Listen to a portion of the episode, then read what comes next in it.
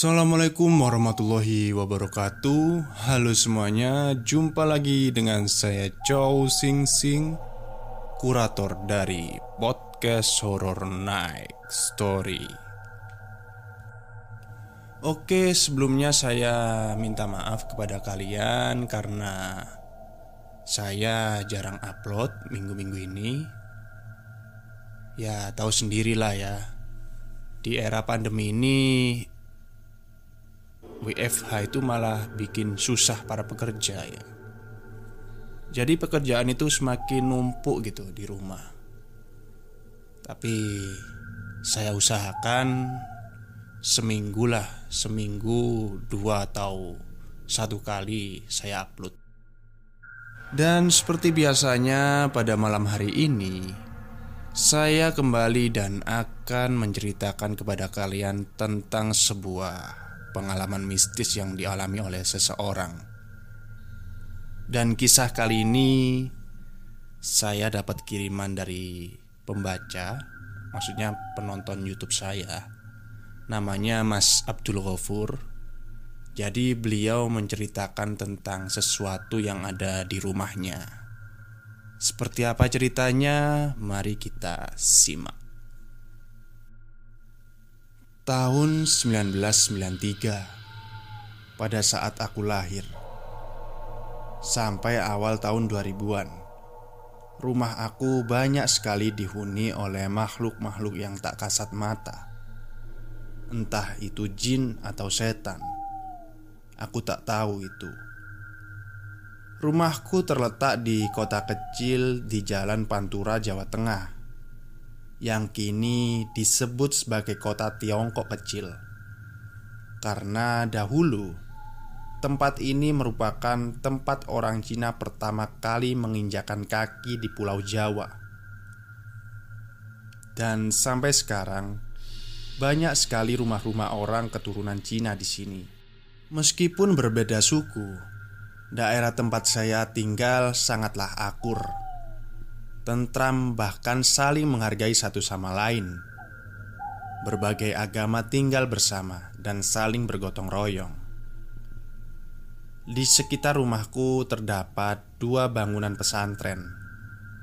Yang pertama merupakan pesantren laki-laki, kemudian yang satunya pesantren perempuan. Jadi, rumahku ini dihimpit oleh dua bangunan pondok pesantren namun, meskipun dekat dengan pesantren yang setiap harinya terdengar suara anak-anak mengaji, hal itu tidak berpengaruh pada kehororan rumahku. Pada suatu malam, saat aku masih SD, aku tidur bersama ibuku yang kamarnya terletak paling depan dekat dengan ruang tamu. Sedangkan bapakku tidur di kamar tengah Dan kakakku tidur di kamar belakang. Pada saat kejadian seram itu Adikku belum lahir Karena dia lahir di tahun 2009 Jadi saat itu Aku masih anak bontot Dan dua bersaudara. Kami laki-laki semua. Entah jam berapa saat tengah malam Aku tiba-tiba terbangun dari tidurku. Aku menoleh samping. Aku lihat ibu aku tidur dengan lelapnya. Kemudian aku masih terbaring, memposisikan diri senyaman mungkin. Tapi susah buatku untuk memejamkan mata. Sudah beberapa kali aku coba ubah posisi tidurku, tapi masih saja tidak bisa buat tidur lagi. Sampai akhirnya indera penglihatanku menatap pintu kamar yang pada saat itu terbuka. Memang pintu kamar itu tidak pernah ditutup dengan maksud biar hawa terasa sejuk. Namun saat itu aku terperangah melihat sesosok perempuan berbaju putih berambut panjang di depan pintu kamar, persis sedang melayang. Jujur saja, Saat itu aku tidak takut.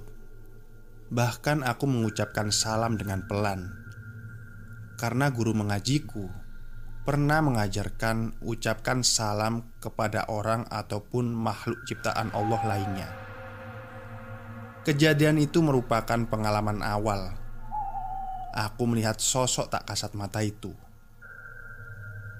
Keesokan harinya, aku bercerita kepada kakak aku tapi dia tidak mempercayainya. Kakakku termasuk orang yang paling penakut di keluarga. Saat aku bercerita bertemu dengan sosok perempuan itu, dia tidak terlalu memperhatikan. Dengan maksud, dia tidak mau membayangkan kejadian yang aku alami semalam. Kejadian-kejadian aneh selama bertahun-tahun aku alami dan suatu malam, pada saat ibuku menemaniku tidur, bapakku duduk di kursi samping ibuku. Beliau bercerita tentang kerjaannya. Bapak sama ibuku ini bekerja sebagai guru SD yang sekolahannya berada di dekat rumah kakekku. Mereka satu sekolah, jadi hampir setiap malam bercerita tentang hal-hal yang berkaitan dengan pekerjaannya. Saat sedang asik-asiknya mengobrol, ibuku mengelus-ngelus punggungku dengan maksud aku bisa segera tidur. Tapi tiba-tiba bapakku berteriak kesakitan sampai tersungkur ke bawah. Ibuku langsung membantu beliau untuk berdiri. Setelah itu, bapakku bilang ada kepalan tangan besar menghujam muka bapak sampai beliau terjatuh dari kursinya. Kemudian ibuku mengambil segelas air minum untuk bapakku, biar keadaannya menjadi tenang. Anehnya, aku tidak bisa menoleh dan melihat keadaan bapakku, dikarenakan pada saat aku ditidurkan oleh ibuku Posisiku membelakangi mereka. Jadi, ketika aku mencoba untuk menoleh, badan terasa berat, dan anehnya, pada saat aku tidak bisa menggerakkan badanku, tiba-tiba aku tersenyum dengan sendirinya sampai aku memejamkan mataku. Hal itu tidak wajar, seolah-olah aku merasa puas sambil tersenyum. Padahal dalam hatiku aku menangis dikarenakan aku tidak bisa melihat apa yang terjadi. Bahkan menoleh pun aku tidak bisa. Mungkin saat itu aku masih kecil. Jadi aku tidak berani menceritakan apa yang aku alami saat itu. Keesokan harinya berjalan seperti biasanya. Hal-hal ganjil tidak setiap hari terjadi, namun cukup sering kami mengalaminya. Setiap malam sehabis sholat maghrib, kami terbiasa rutin mengaji. Seperti biasa, aku mengaji dengan kakakku di pesantren dekat rumah. Ibuku mengaji di ruang tamu, sedangkan bapakku mengaji di tempat sholat. Beliau selalu terbiasa membaca Al-Quran tanpa beralaskan meja, sehingga Al-Quran dibawa di tangan kanan beliau. Tiba-tiba, saat beliau tengah mengaji, ada sesosok tangan besar muncul kembali, dan kali ini menampar tangan bapakku yang menyebabkan Al-Quran jatuh, dan bacaan mengaji beliau berhenti. Bapak saya beristighfar waktu itu. Kemudian membaca doa-doa. Dan beliau melanjutkan dan menyelesaikan mengajinya. Di malam itu juga Ada kejadian aneh lagi Kali ini aku tidur bersama kakakku. Tengah malam aku terbangun. Aku lihat jam. Sekitar jam 2 dini hari pikirku. Saat itu hujan sangat deras. Tiba-tiba di depan kamar muncul sesosok gerandong. Ah, zaman dulu kan di TV ada sinetron terkenal yaitu Misteri Gunung Merapi. Tokohnya ada mak lampir yang nenek-nenek dan mempunyai ilmu sihir dan dia berteman dengan setan yang bernama Grandong, anak buahnya. Dan sosoknya di TV digambarkan bertubuh besar, bermata merah dan berbulu. Tapi yang aku lihat itu adalah sosok gerandong yang bertubuh tinggi sama seperti aku dan bulunya sangat tebal. Mempunyai gigi taring dan mata berwarna merah menyala. Aku lihat dia dari kasur. Jujur, saat itu aku tidak merasa takut. Bahkan aku lihat dia menghampiriku Kemudian aku refleks menimpuknya dengan bantal Dengan maksud menghalau dan menyuruh dia pergi Hujan semakin deras Gerandong itu tidak kunjung hilang. Bahkan dia lari-lari Berputar-putar di depanku. Oh kayak main Among Us gitu ya. Imposter ya. Akhirnya aku mengambil bantal satunya buat lempar lagi ke arahnya. Ketika aku nimpuk lagi, gerandong itu lari keluar dan hilang. Tapi anehnya, kejadian-kejadian yang terjadi di rumah hanya aku yang melihat. Kakakku tidak pernah, ibuku juga tidak pernah. Bapakku hanya diganggu dua kali saat kejadian yang aku ceritakan sebelumnya, dan itu pun cuma bayangan tangan besar saja. Sedangkan aku diperlihatkan sesosok perempuan baju putih sama gerandong dengan sangat jelas. Dan yang membuatku bingung, kenapa mereka menampakkan diri dengan jelas hanya di depan mataku. Banyak kejadian-kejadian aneh yang aku alami, tetapi Dua sosok makhluk itu yang hanya aku ceritakan detailnya Sampai akhirnya aku bercerita kepada bapak ibuku Apa yang aku alami bertahun-tahun ini Hingga akhirnya Orang tuaku meminta bantuan kepada orang yang tahu tentang hal gaib Awalnya ada seorang pria baru baya Ya bisa dikatakan orang pintar lah tetangga dari teman ibuku. Beliau mencoba mengusir sosok-sosok yang mendiami rumah saya. Syarat-syarat barang apa saja yang diminta orang tersebut sudah dipenuhi oleh bapakku. Ritual pembersihan dimulai pada siang hari sampai adzan asar berkumandang.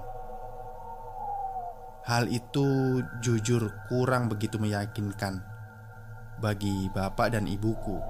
Cara tersebut berlawanan dengan yang diajarkan oleh agama kami. Tetapi ibu dan bapakku merasa tidak enak. Soalnya tetangga teman ibu saya ini cuma ingin membantu.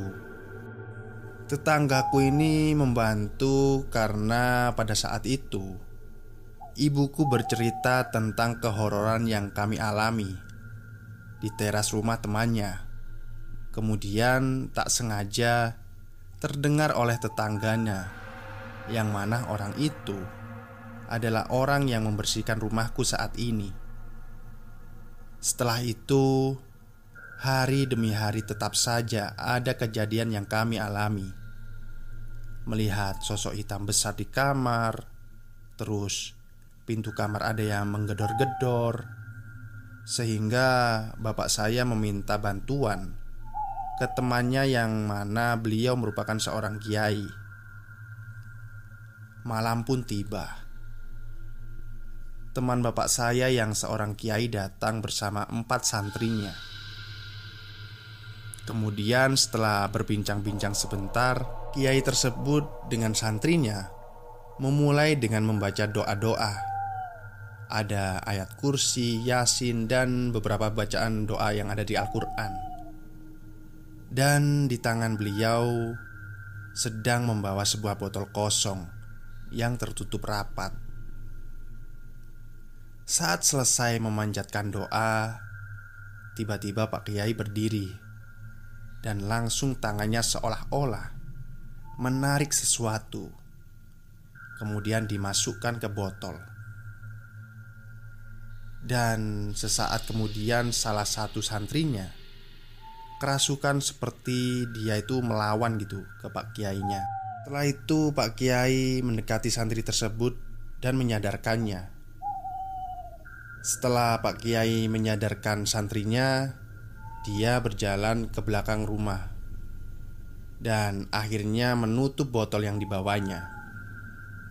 Saya lihat botol yang tadinya kosong, tiba-tiba ada airnya. Di dalam itu ada sekitar 10 mili, kalau nggak salah. Dan setelah kejadian itu, hawa di rumah sepertinya terasa lebih enak dan adem. Itu yang aku rasakan. Kemudian Pak Kiai berpesan kepada bapakku untuk membuang botol tersebut di gunung atau di laut. Hingga bertahun-tahun sampai sekarang, alhamdulillah, kejadian-kejadian ganjil tidak pernah aku alami, dan penampakan-penampakan tidak lagi terlihat. Dan aku juga bersyukur sekarang mempunyai adik. Tapi adikku ini sama takutnya dengan kakakku. Aku tidak bisa membayangkan apabila masih ada gangguan-gangguan makhluk astral. Mereka pasti sangat ketakutan karena ketika aku atau bapakku bercerita tentang masa lalu rumah ini, mereka marah-marah karena mungkin mereka takut Sekian cerita dari saya. Terima kasih. Oke, Mas Abdul Ghafur, terima kasih atas kiriman ceritanya ya.